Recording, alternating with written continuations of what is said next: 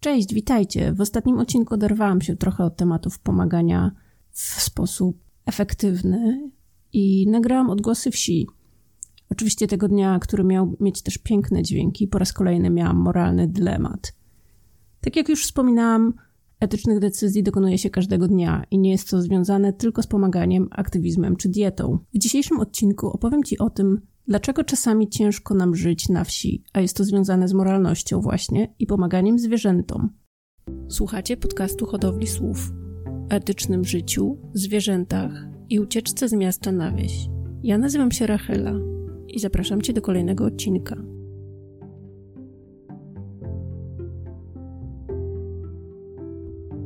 Wieś o tej porze roku zaczyna być coraz piękniejsza, i każdego dnia się cieszę, że mogę wyjść na spacer do lasu. Jest dobra dla nas. Możemy tu odpocząć, a w czasach pandemii jest dla nas zbawieniem. I zupełnie nie wyobrażam sobie już powrotu do miasta.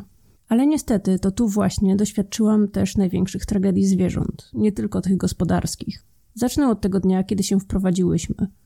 Kilka dni później obudziły mnie dziwne dźwięki przed domem. Okazało się, że przed oknem pasą się krowy, co było bardzo dziwne, bo okna sypialni wychodzą nam na ulicę. Nie wiedziałam wtedy jeszcze, czyje to krowy i czy mają taki styl wypasania tutaj na tej wsi. Na ten czas był to dla mnie jeden z milszych widoków. Wolne krowy, majestatycznie skubiące zbyt długą trawę sprzed naszego domu. Jak się potem okazało, krowy uciekły, bo pijany człowiek nie zamknął im bramy. Kilka dni później ten sam człowiek ganiał cielaka, któremu udało się uciec z tak zwanej ekologicznej hodowli. Dziś mija ponad dwa lata od tego zdarzenia. Znam właściciela krów i znam sytuację gospodarstwa. Jest ona dla mnie przerażająca. Ów właściciel zawołał mnie kiedyś do siebie, mówiąc: Chodź, zobaczysz, jakim się wszystkim żyje dobrze. I zobaczyłam. Krysia tego dnia wróciła do domu ze łzami w oczach. Ja zastanawiałam się, czy to tak naprawdę jest dobre w porównaniu do hodowli przemysłowej. Biorąc pod uwagę warunki, jakie tam panują, a te w hodowli przemysłowej, to tak możemy powiedzieć, że jest im dobrze. Ale gdy przyjrzymy się bliżej, to krowy brodzą często w swoim gnoju. Nie mają wymienionego siana i choć sąsiad posiada wielkie pol z tyłu, to dla tych krów wyznaczony jest tylko mały segment. Gdy zobaczyłam natomiast świnie, serce mi pękło. Na gołym betonie, kwiczące z głodu, pragnące ucieczki. Podczas kolejnej wizyty świnia odgryzła głowę brojlerowi, bo była taka głodna. Zostało to uznane za coś normalnego. No i najgorszy ten dźwięk. Gdy się boją, gdy się je pogania. Najsmutniejszy dźwięk na świecie – rozpaczy, pisku i strachu. To wszystko kilka metrów od naszych okien.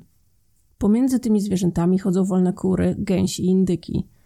Są tak wolne, że często można znaleźć jakoś potrąconą przed domem, bo chodzą gdzie chcą. Krysia kiedyś uratowała jedną od śmierci i miała dylemat, czy ją oddać, czy zabrać do domu.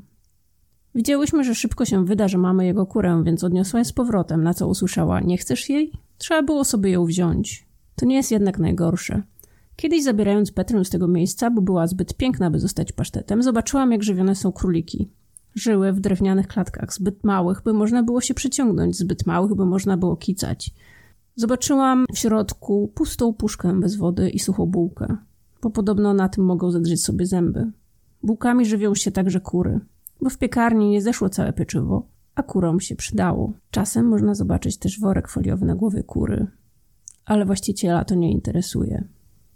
W ostatnim podcaście nagrałam wam dźwięki byków z tego gospodarstwa, a właściwie odgłosy łańcuchów, którymi były przypięte. I była to dla mnie najsmutniejsza chwila w ostatnich dniach. Dźwięk nie przekazywał widoku tych przerażonych oczu, smutku, znudzenia. Na końcu stał mały cielak i dokładnie wiem, co się z nim stanie. Stanie się czyjąś wołowinką na stole, tak to określali kiedyś moi znajomi. Ten sam piękny, delikatny, czujący cielak, który został odseparowany zbyt szybko od matki. I tu pojawia się dylemat. Co ja mam zrobić? Weterynarz odwiedzający okolice powiedziała, że te warunki są karygodne, ale też nie zrobiła kroku dalej. My będziemy prawdopodobnie mieszkać tu jeszcze długo. Gdy to zgłoszę, wielu już próbowało. Prawdopodobnie podejrzenie padnie od razu na nas. A gdy była już raz policja, niewiele się zmieniło, bo znajomości załatwiają wiele. Inna sprawa jest taka, że niektórym przeszkadzał pies, który u sąsiada szczekał zbyt głośno i psa już nie ma. W takich przypadkach ludzie najczęściej wyżywają się na zwierzętach i w złości to im wyrządzają krzywdę, więc pozostaje mi być tylko cichym obserwatorem. Oczywiście na wstępie naszej znajomości zaznaczyłam, że jak tylko zobaczą cierpiące zwierzę i będą świadkiem znęcania się, nie skończy się to dobrze i tyle. A może aż tyle. Ale nawet nie wyobrażasz sobie, jak bardzo to boli, gdy na chwilę zastanowisz się nad losem tych zwierząt, które teoretycznie mają lepiej. Tyle o gospodarstwie. Ale dzikie zwierzęta też często tu cierpią czy potrzebują pomocy. Umierają na naszych oczach. Dawno temu wybudowałyśmy domek lęgowy dla ptaków. Zamieszkały w nim sikorki i wylęgły się małe. Pech chciał, że podczas jednej wichury karmnik przechylił się do góry nogami. Jakże okrutnie się wtedy czułam. Wiedziałam, że to oznacza prawdopodobnie śmierć młodych, ale wiedziałam też, że sprawdzanie tego może namieszać bardziej. Bałam się, że jak dotkniemy karmnik, matka na zawsze porzuci małe. Postanowiłyśmy jednak za wszelką cenę je ratować. Udało się, ale tylko na chwilę. Młode przeżyły wichurę, przez kolejne dwa tygodnie matka przylatywała je nadal karmić, ale po dwóch tygodniach zaniepokoiła mnie cisza. Nikt nie wołał o pokarm. Otworzyłyśmy domek i znaleźliśmy osiem martwych sikorek. Widok był łamiący. Małe, żółte, nieopierzone sikorki leżały nieruchomo. Nie wiemy, co się stało. Nie wiemy, czy przemarzły, czy matka zniknęła, czy ktoś ją zabił. Było to bardzo smutne. Podczas sezonu lęgowego spotykamy wiele zagryzionych lub wyziębionych pisklaków. Już się nie dziwię, że niektóre gatunki są tak zagrożone. Polujący koty, czy choćby drapieżne ptaki, które w mojej obecności dawały wielkiego nura w bukszpan i porywały swoje ofiary. Po tych kilku zaledwie latach zrozumiałam, że na wsi śmierć i życie przeplata się nawzajem przed naszymi oczami.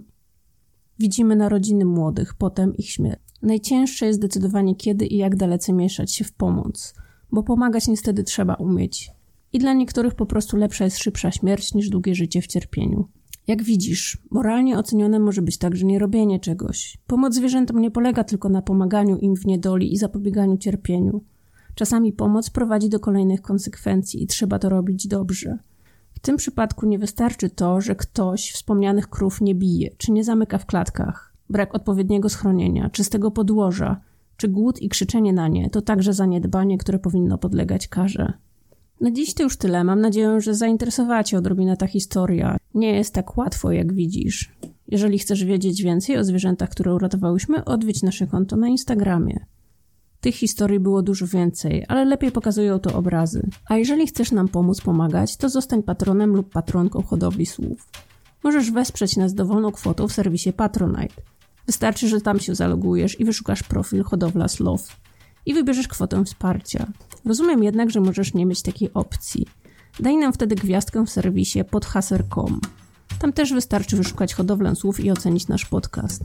Tymczasem do usłyszenia w następnym odcinku.